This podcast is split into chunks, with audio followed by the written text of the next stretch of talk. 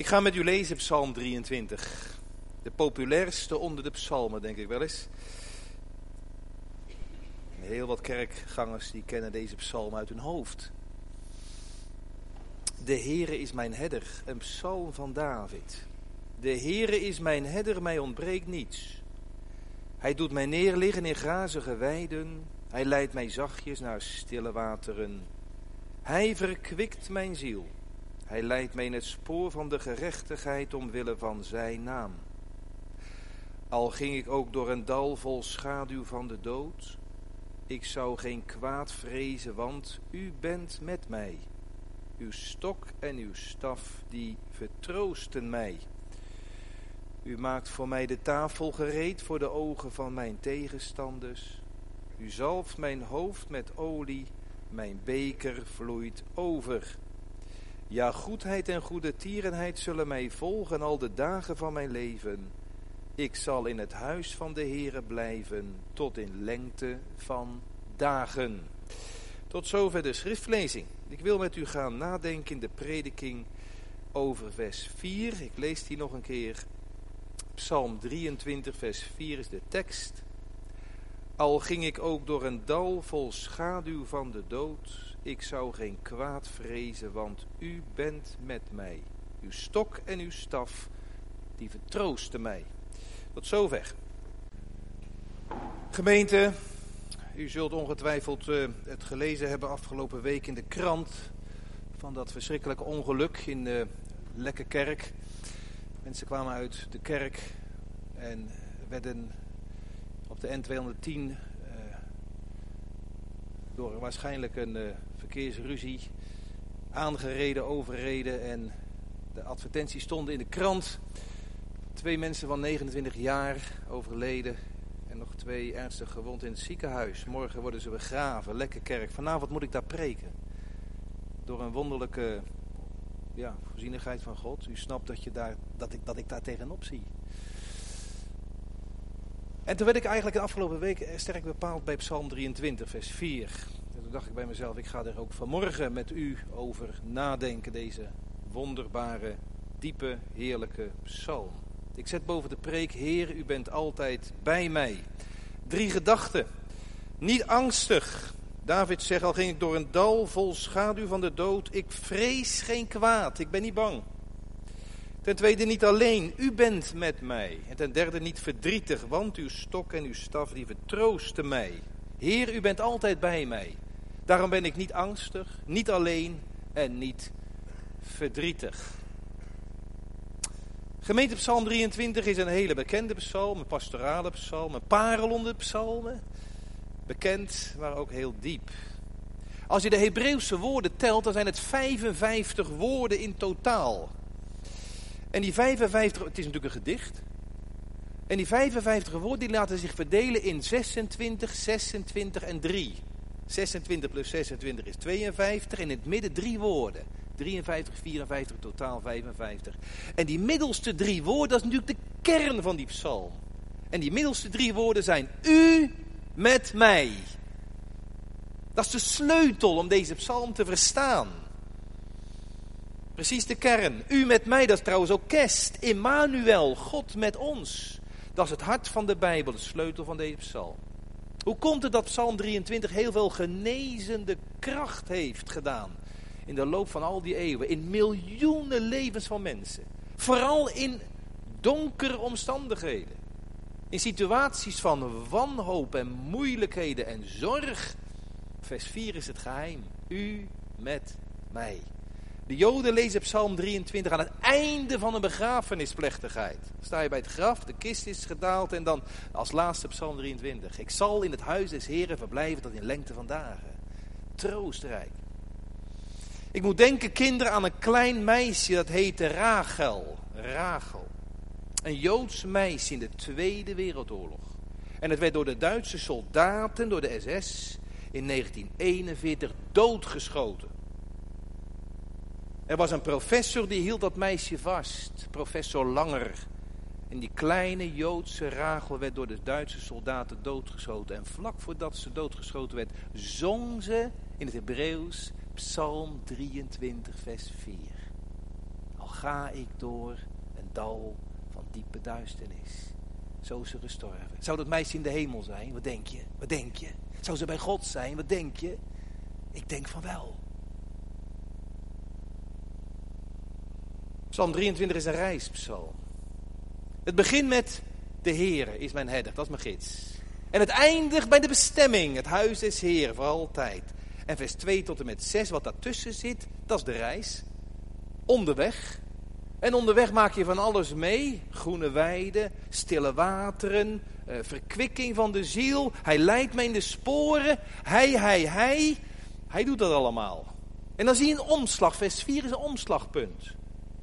In vers 1, 2 en 3 gaat het over wat de Heer doet. Hij, hij, hij. Wordt er over de Heer gesproken door David. En vers 4, dan gaat het de diepte in. En dan spreekt hij niet meer in de derde persoon enkelvoud over God, maar hij spreekt rechtstreeks tot God. U, gij. U bent met mij.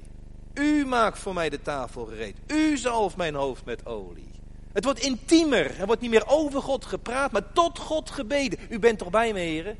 Als het moeilijk wordt, als het donker wordt, als er de dal in moet, als het de diepte in gaat, als het zo lang duurt, dan wordt het een gebed.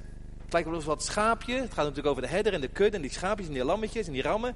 Alsof die schaapjes als het ware, als het nou moeilijk wordt en het naar de diepte gaat, des, te meer tegen die herder aandringen. U bent er toch bij, heren? Als het hier doorheen moet. Nou, eerste gedachte, niet angstig. Al ging ik door een dal vol schaduw van de dood. Ik moest denken in het Nieuwe Testament hoe de Heer Jezus op een gegeven moment op de berg der verheerlijking is. Prachtig, mooi, heerlijk. Hemels tafereel met, met Jacobus, met, met, met Johannes en uh, Petrus, Johannes en Jacobus. En dan is hij daar die berg der verheerlijking en dan staat er, en toen ze de berg afdaalden. Een hele pregnante zin, en toen ze de berg afdaalden. Ik kijk terug op het jaar 2018. Het is mooi als er van die hoogtepunten geweest, van die bergtopervaringen.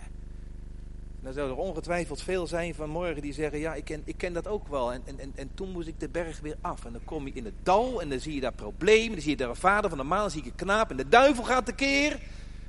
Die maakt een hoop herrie en die maakt een hoop schade. Dan kom je weer in de ellende terecht. Nou, over dat dal spreekt David hier in het Oude Testament. Ik, ik, ik, ik, ik, heb bergtopervaring gehad in de lieflijke weiden. Die stille wateren en nu, nu gaat het door het dal heen. Het Hebreeuwse woord voor dal is ge. Dat zegt u niks. Ja, toch wel. Even luisteren. Ge, dat is een hele nauwe rots. Uh, kloof in de rots, als het ware. Een heel nauw paadje, ongelijk. De bodem is ongelijk, het is smal. En dan heb je van die steile rotswanden. Meters, honderden meters hoog. En dat, dat loopt als, het ware, dat, dat, dat, loopt, dat loopt steeds steiler. Er komt nauwelijks zonlicht doorheen. Je kijkt naar die steile wanden en oeh, het lijkt wel of het, of het op, op, me gaat vallen. Heel smal, heel eng, klein, diep, kloofdalen, overhellende wanden. Tussen twee bergketenen. Het is in ieder geval smal. Baka's vallei. Tranendal. En het woordje ge, dat kennen we van het woordje Gehenna. Zegt u dat wat? Gehenna? Gehinnom, het dal van Hinnom. Het dal van Hinnom, dat heb je bij Jeruzalem. Daar werden vroeger de kinderoffers gebracht aan de moloch. Dat woordje Gehinnom, Gehenna, dat werd later de benaming voor de hel. De Gehenna, dat is de hel. Dat is de hel. Een dal met helse verschrikkingen. Daar gaat het hier over. U voelt het is benauwd, het is angstaanjagend. En het is diep. Het diepte van ellende. Nou, stel je voor dat je daar loopt. Als schaapje van de kudde. En je moet er door. Ten eerste krijg je dan gevoelens van somberheid. Van er komt zo weinig zonlicht doorheen. De vreugde in je leven ebt weg in een bepaalde periode van je leven. Het zakt weg. Er komt akelige droefgeestigheid, misschien wel een depressie. Weet je dat veel van Gods kinderen daar last van hebben? Een beroemd voorbeeld is Spurgeon. Nou, die man is tot zegen geweest en uh, Nou, die kon best heel opgewekt preken, maar hij had periodes van somberheid. Dan moest hij een tijdje naar Frankrijk, moest hij bijkomen. Somberheid. Abraham, dat is toch de vader van de gelovigen. En er staat op een gegeven moment, er vallen een diepe, dichte angst en jagende duisternis overviel hem. Vlak voordat God het verbond sloot met hem. Die vurige fakkel en zo. Die duisternis overviel hem. Angstig. Sombere kloof. Wie kent die periodes in zijn leven? Ongetwijfeld een aantal mensen vanmorgen. Hoe donker ooit Gods weg mogen wezen. Dat, dat, ik weet wat dat is. Het is niet alleen somber, het is ook gevaarlijk. Die dalen van diepe duisternis. Het is gevaarlijk, want juist in die rotskloven, daar die, die, die dalen en in die rotswanden, daar verbergt zich de boze. Wilde dieren, rovers. Die willen natuurlijk zo'n schaapje pakken. Wilde dieren, slangen, wolven, beren had je in die tijd. David heeft er wat, uh, is er wat tegengekomen. Het is, ook gevaarlijk. Altijd gevaar op de loer. Het is ook geheimzinnig. Dat zou ik eigenlijk aan een kind moeten vragen. Stel je nou voor, kinderen, dat, je, dat het s'avonds een beetje gaat schemeren. Je zit thuis en je zit even alleen in de kamer. Mama is even boven. En dan kan het in het schemeren zo, tegen de tijd dat het donker wordt, kan je van die rare schaduwen zien. Van die grillige, dan kijk je naar de muur, het lijkt wel een spook. Van die grillige vormen. Mam, kom je naar beneden? Hoezo, ben je bang? Nee. Toch. als mama te lang boven blijft met de was of zo, of papa met de was, dan ga je naar boven. Ga jij naar boven?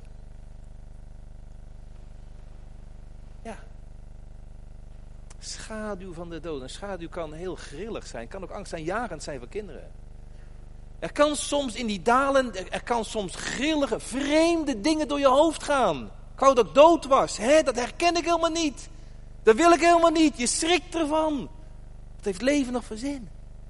Het spookt door je hoofd. Dat maken die schaapjes mee. Het dal. Geheimzinnig. Is ongrijpbaar. Je kan het wel rationeel proberen weg te redeneren, ook dat lukt niet. En vooral de eenzaamheid. Zelfs al gaan we met z'n allen die hele kudde. Nee, dat zegt hij niet. Hij zegt zelfs al ga ik. De herder is er, andere schaapjes zijn er ook, maar die zie je niet op dat moment. Het is donker. Je ziet een hand voor oog. Je ziet de herder niet en je ziet ook de, de broeders en zusters niet. Je moet er voor je gevoel eenzaam en alleen doorheen. Via Dolorosa. Toch zijn er meer mensen die daar doorheen gegaan zijn dan je denkt hoor vaak de beste van Gods knechten die die dieptes hebben gekend. Die er doorheen moesten. Die die dalen moesten betreden. Die werden bestreden. Maar er staan heel veel voetstappen van de heiligen Gods. Van Gods kinderen. Heel veel voetstappen. Alleen je ziet ze niet omdat het donker is, maar ze staan er wel. En als je nou de moeite neemt om even op je knietjes te gaan. En je kijkt eens heel goed naar de sporen van die schapen die je voorgegaan zijn. Je kijkt eens heel goed. En je kan een beetje spoor zoeken. Dan zie je daar ook één voetstap staan. Het lijkt wel of daar een voet in gestaan heeft waar een spijker doorheen gezeten heeft. Een vreemde voetstap. Dat is de voetstap van de herder zelf. Die is je voorgegaan. Die is je voorgegaan. Hij stuurt zijn schapen nooit in een, in een traject waar hij zelf niet eerder is geweest. Zelfs al ga ik. U voelt het wordt een beetje beklemmend, hè? vindt u niet? Ja, dat is het ook als hij erin zit. Zelfs al ga ik door een dal, dat is zeker de doodsdal, aan het eind van je leven, als je, als je gaat sterven. Nee, er staat niet, zelfs als ik straks aan het eind van mijn leven door het dal moet gaan, David zegt het in de tegenwoordige tijd. Zelfs al dat kan ook midden in je leven. Niet aan het eind van je leven. Midden in je leven kan dat zo zijn. Je kan er middenin zitten. Ik vind het altijd weer mooi bij de Christenreis van Bunyan. Dat blijft toch een van mijn favoriete boeken. In de christenreis van Bunyan zie je dat op een gegeven moment komt daar die vallei van de verootmoediging. En dan komt er ook het dal van de schaduw van de dood. Met Apollyon, die duivel, want ja, die staat op de loer. Die wil je natuurlijk, die wil je in de wanhoop drijven. En dan moet christen, dat is niet aan het eind, als die vlak bij de hemelstad is. Nee, dat dal van de schaduw, dat is midden, midden op de reis. Nou gemeente. En toch, mijn eerste gedachte was niet angstig. Ja, weet je waarom? Nou, ten eerste omdat de Heer er zelf bij is. Te midden van al die neerslachtigheid en somberheid, zijn aanwezigheid, dat vergoedt alles.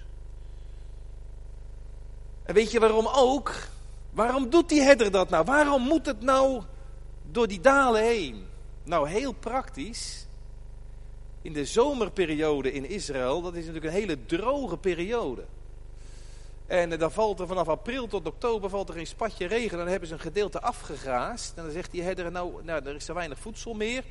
Nou ga ik met de kudde naar een hoger gelegen gedeelte. En daar hebben ze weer fris, fris uh, gras, vers gras. En om bij die hoger gelegen gedeelte te komen, moet het soms door die dalen heen. Dus het heeft een bedoeling. Een verheven doel heeft die herder daarmee. Hij doet het niet voor zijn lol, maar hij doet het voor voedsel. En juist in die periode van die dalen leer je de herder kennen van een kant die je nog nooit eerder hebt leren zien. Al ging ik ook door een dal. U ziet dat in vers 4, hè? Dat dal, je gaat er doorheen en weet je waar je dan terecht komt? Vers 5, u maakt van mij de tafel gereed. Dus door het dal gaat het naar die tafel, naar die heerlijke verse malse weide hogerop. Dan kan, kunnen we weer grazen, hebben we weer voedsel. Als we hier blijven, is kaal afgegraast, ja, dan, dan, dan komen we om van de honger. Nee, het gaat door het dal naar een verheven doel. Het gaat er doorheen, hè. Gaat er niet omheen.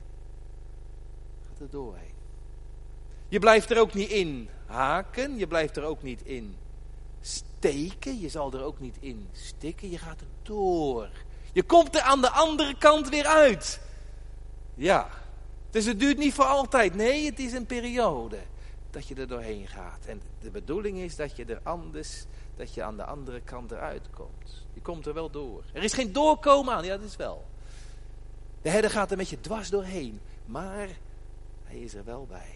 Het voelt eenzaam, dominee. Het voelt eenzaam. Het is een smal pad. Ja, dat is zo. Het voelt eenzaam. Niemand loopt er naast je. Nee. Maar hij is erbij. Waar is hij dan? Waar is hij dan? Ik zie hem niet. Nee, ik voel het niet. Nee, dat is ook waar. En toch is hij er. In die dalen wordt het geloof, het echte geloofsvertrouwen. Geloof je nou echt, vertrouw je nou echt op de Heer Jezus? Echt. Je kan wel ja knikken, maar in de dalen wordt het beproefd of het nou echt blindelings vertrouwen. Al begrijpt mijn ziel u niet, en al ziet mijn oog u niet, en al voelt mijn hart u niet. Niet angstig. En het is maar een schaduw. Al ging ik door een dal vol schaduw van de dood. Kinderen. Wat is het verschil tussen een echte leeuw en de schaduw van een leeuw. Nou, een echte leeuw, die kan je op verscheuren. Maar een schaduw van een leeuw, die kan je niet verscheuren. Een schaduw kan jou niet verscheuren. En de schaduw van een zwaard kan jou niet doden. En de schaduw van een hond kan jou niet bijten. Je kan er wel bang voor zijn als je die schaduw ziet op de muur. Maar ze bijten en ze schaden niet. Ze schade niet. David noemt hier het woordje schaduw. Hij is erbij. Dat is de kern, hè? Ik had het over, uh, dan ga ik naar de tweede gedachte. Je bent niet angstig en je hoeft ook niet alleen te zijn, niet alleen. De kern is, hij is erbij. U met mij. 26 woorden daarvoor, 26 woorden erna. U met mij. Hier hebben ze dat vertaald met, want u bent met mij. In het Hebreeuws is het nog mooier, van die drie middelste woorden, u met mij, is het, in het Hebreeuws het, het, middelste woord is u. Er staat letterlijk, want u, en dan met mij is één woord. U, dat is het middelste. U. Dat is de kern, dat is de spil. U. Hij was dus een Jood, die was zo verbaasd over de tekst, ik zend u als schapen te midden van de wolven. En die zei, het is toch eigenlijk wel heel verbazingwekkend dat Gods kudde, het volk Israël, dat, dat, dat het nog steeds stand houdt na zoveel eeuwen. Terwijl het door 70 wolven is omringd. 70 heidenvolken. Die ene kudde Israël. Door 70 heidenwolven volken omringd. En dat ze nog steeds leven. Ja, zei de rabbi, dat is te danken. Dat is te danken niet aan de kudde, maar aan de nabijheid van de herder die ze beschermt. Nou, dat is Psalm 23. Ik heb u al gezegd, hier verandert de toon van praten over in bidden tot. Het gaat over u, niet over hij. U bent altijd met mij, want u bent altijd bij mij. Dus als dat zo is, dan kan de Heer nooit te vroeg komen. En hij kan ook helemaal nooit te laat komen, want hij is er al. Hij is altijd al bij je. Nou, het begon met de Heere, mijn herder. En het eindigt met de Heere. Heb je dat gezien? Er staat twee keer het woordje Heer in. Vers 1, de Heere is mijn herder. En vers 6, het laatste, het huis van de Heere. Twee keer de naam Heere, jawel begint met de Heer, het eindigt met de Heer. En in het midden, u met mij, ja, dat is ook de Heer. Hij is het begin, hij is het einde, hij is voor mij, hij is achter mij, hij is ook in het centrum van mijn leven.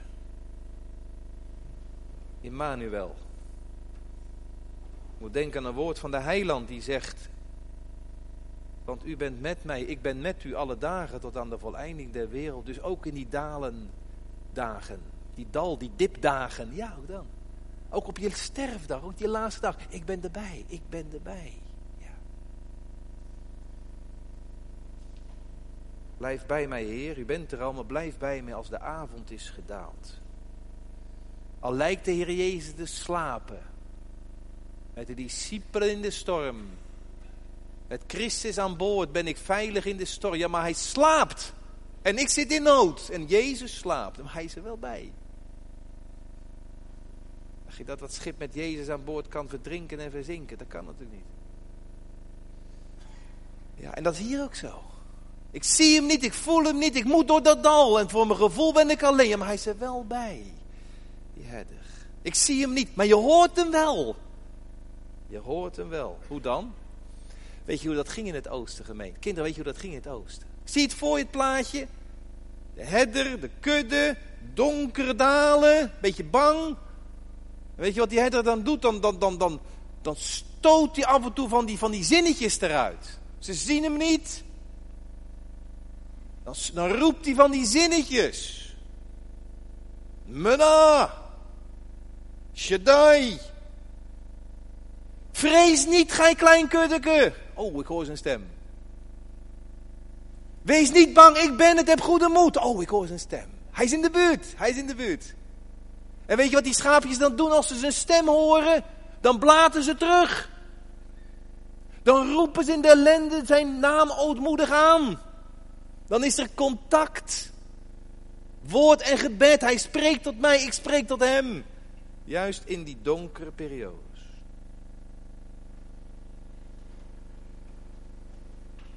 Toen ik dit zo overdacht, moest ik denken aan dat prachtige lied van Sela. Blijf altijd weer mooi, hè?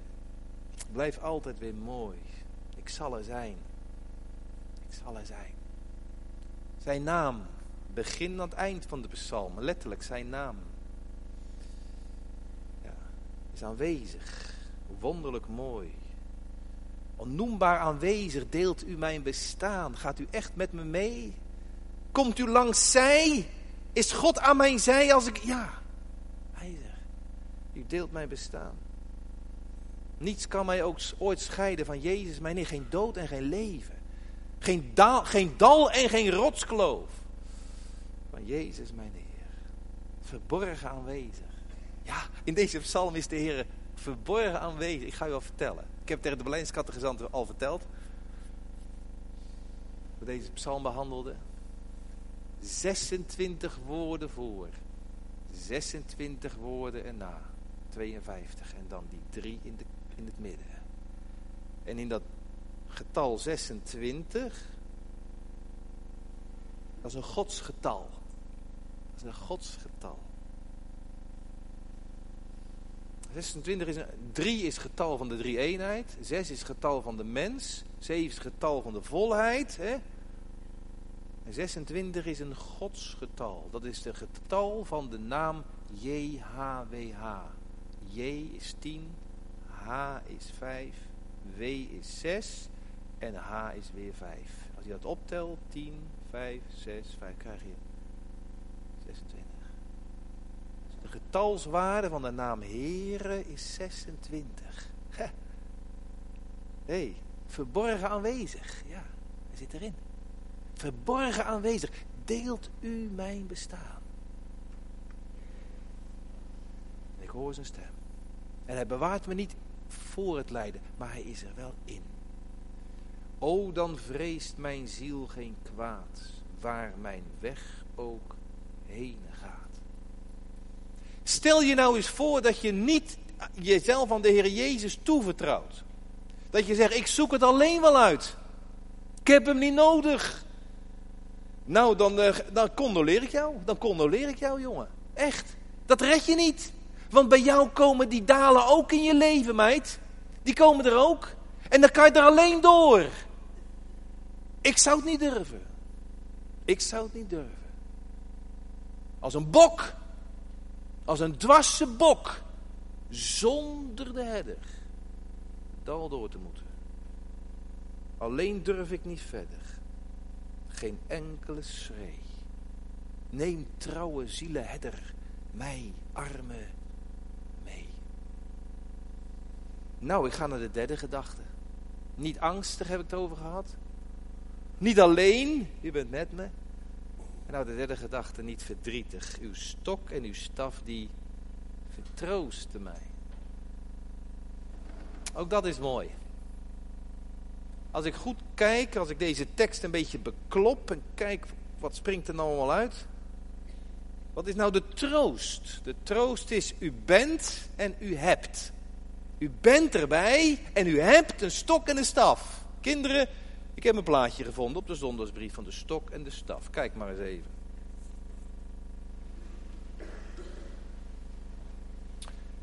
Nou, je ziet uh, de stok. Daar zit een uh, touwtje aan. Je kan het om je pols doen. Dat is een soort knots, een knuppel. En het uiteinde van die knuppel, vaak is dat een beetje rond. Soms zitten er spijkertjes aan, spijkertjes aan. Nou, als je daar een tik mee krijgt, dan uh, kan je gelijk naar de dokter. En die staf, ja, dat is, een, dat is de herderstaf. Dat is de herderstaf. Een stok en een staf. En de Heer Jezus, ik ben de goede herder, hij heeft ze alle twee. Uw stok en uw staf die vertroosten mij. Er staat eronder, de stok of de knuppel werd gebruikt tegen gevaar. En de staf dient om te leiden, te inspecteren en te tellen. Dat is herdersgereedschap. En die schapen worden daardoor getroost. De schapen en de lammetjes. Juist in het donker. Ze worden erdoor getroost. In de nieuwe Bijbelvertaling staat, ze geven me moed. Als ik zie op de leeuw en de beer word ik bang. Maar als ik zie op uh, uw stok en uw staf, dan krijg ik moed. Dan krijg ik moed. Die troosten mij. Hoe kan een stok nou vertroosten? Als je daar een klap mee krijgt, dan ben je er gelijk geweest. Nee, die stok is niet bedoeld voor de schapen. Die stok is bedoeld voor de wolf. Het is niet de bedoeling dat die, die stok eh, geslagen wordt op de kudde. Nee, die, die stok is bedoeld voor de vijand. Staf is bedoeld voor de kudde. Hij had hier een gordel, een riem. En aan de rechterkant droeg die herder die, die knots, die knuppel. Overdag. En s'avonds en s'nachts haalde hij hem van zijn riem af en dan deed hij hem om zijn pols. Mocht er wat komen, had hij hem gelijk in zijn hand. In zijn rechterhand, aan de rechterkant, zijn knots. En in de linkerhand had hij de staf. De herderstaf. Daar komt de bisschopsstaf vandaan. Sint Nicolaas heeft een staf in zijn hand. Ja, was een bisschop. De herderstaf, dat is eigenlijk de symboliek erachter. Hij leidt en regeert de kudde. Ja, verschil de ene rechts, de ander links. De ene is bedoeld voor de vijand, de andere is bedoeld voor de kudde. De ene is bedoeld om de vijand weg te houden, de andere is bedoeld om de kudde dicht bij hem te houden. De ene is bedoeld om te beschermen, de andere is bedoeld om te leiden. Ja. Een echte herder gebruikt dat ding. Een huurling vlucht weg, maar de herder gebruikt. Tegen de wolf, de leeuw en de beer. Of de dief die s'nachts komt om te stelen, te slachten en te verderven. De dief. Weg jij! Jij mag mijn geloof, mijn vreugde in de Heer Jezus niet weg, wegstelen. Dief. De Heer houdt zo op een afstand. Al die leeuwen en beren die wij zien. We krijgen geen garantie dat we niet aangevallen worden. We krijgen geen garantie dat we niet aangevallen worden door, die grimmige kaken van de leeuw, de boze.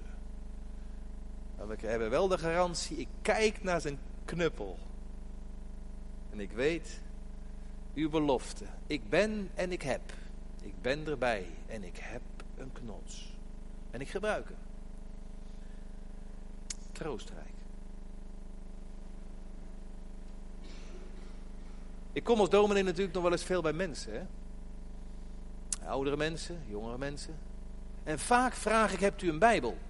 Ik heb er zelf ook wel eentje in mijn jaszak zitten. Maar ik vraag, hebt u een Bijbel? Nou, dan komt er een Bijbel. Welke vertaling wilt u? Ik zeg de beste. En dan komen ze met een vertaling aan.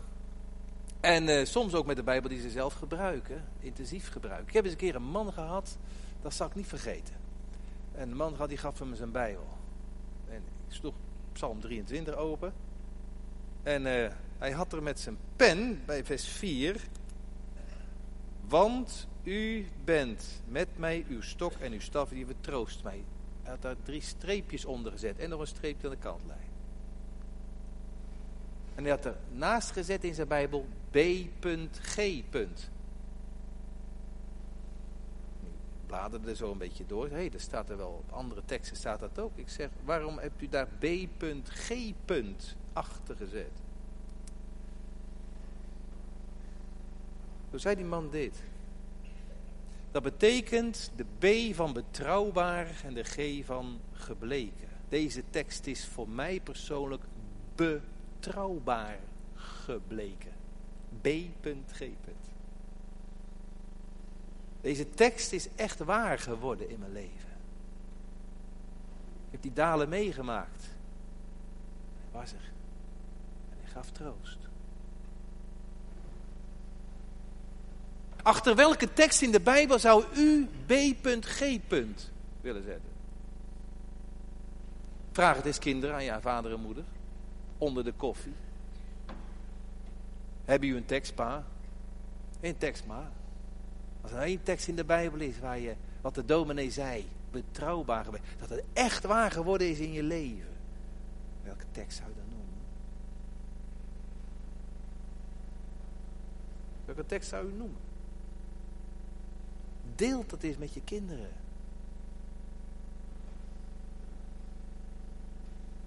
Nou, die staf tenslotte. Die lange stok. Die kromming zo te halen. Daar leunt de herder af en toe eens op, maar daar is hij eigenlijk niet voor bedoeld. Hij is bedoeld voor de kudde. In het formulier voor de bevestiging van de predikanten, dat komt nou weer een beetje onder het stof vandaan, dat begrijpt u.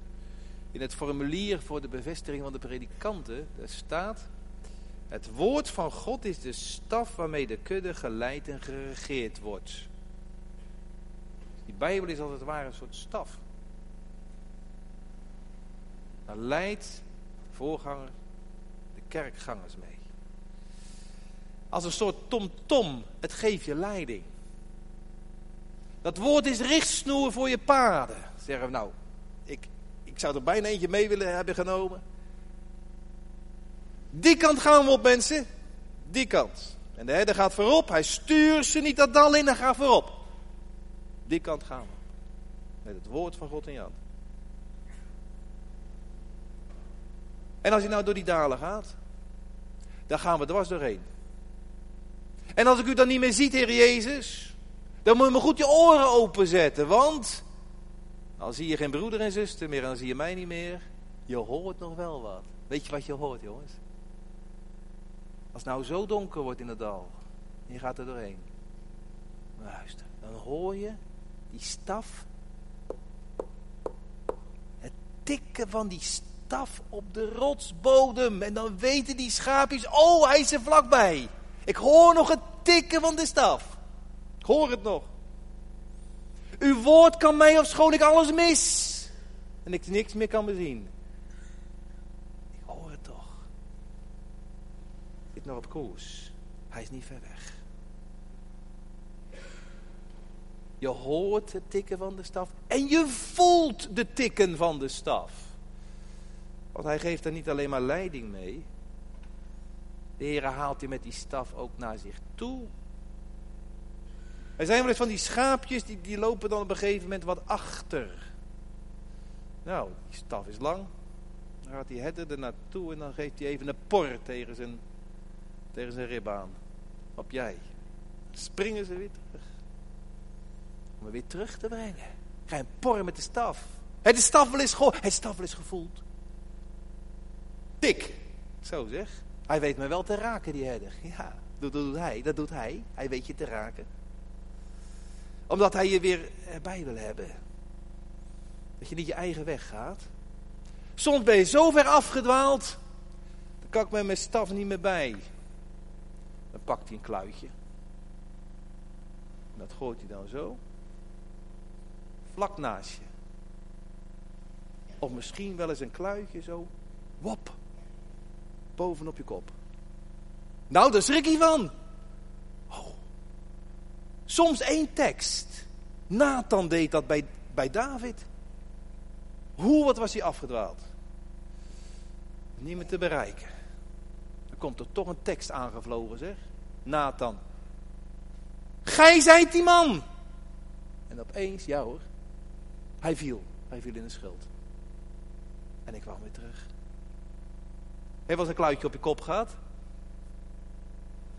Dat was nou precies raak, zeg kwam hard aan. Maar ik had het hard nodig. Een tik van de staf. Soms gebruikt die herder ook, ik vind het zo'n mooi beeld. Soms gebruikt die herder, want er is natuurlijk een, een, een het is niet romantisch, nee, maar, maar zit wel liefde. Die herder heeft liefde voor zijn kudde. Soms ziet hij dat die schaapjes, ja, die zijn een beetje schuchter en zo. En, en dan pakt hij die staf en dan doet hij even zo zacht aaien over de rug van zo'n beestje. Even een touch. Hij aait even. Even, even contact tussen de herder en schaapje. Sapies, sapies. Niet die hele kudde, maar jij en ik. Even een liefkozende aai. Hij was van de Heer Jezus een aai over je bol gekregen. Ja, oh, Heer, ik ben zo blij dat ik, dat ik vandaag door u vertroost ben.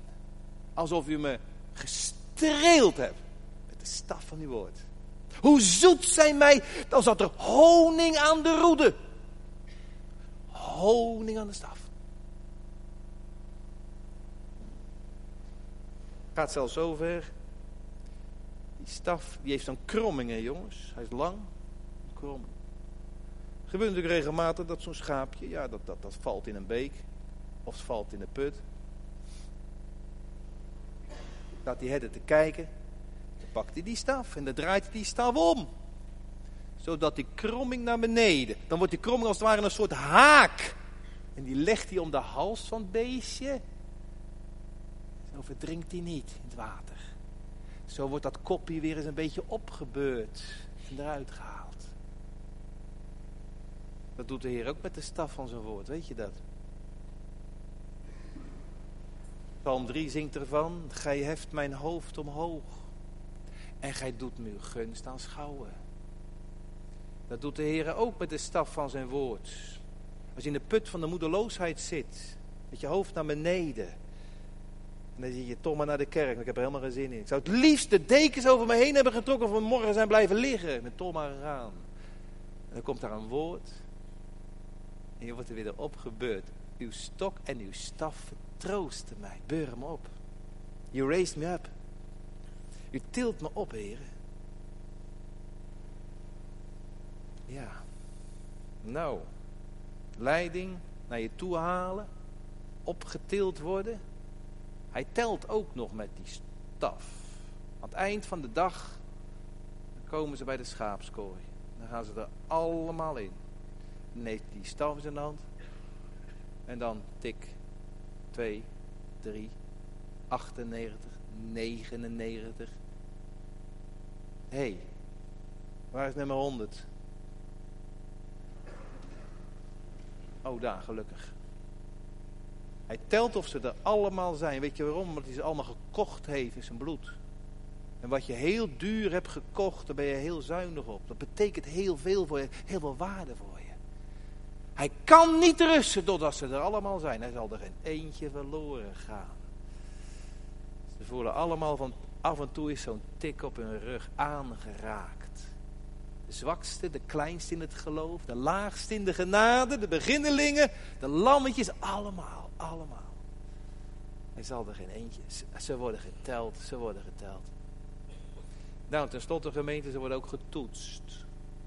Doe, ze, de herden al met die staf. En ook dat is troostrijk, dat je wordt getoetst.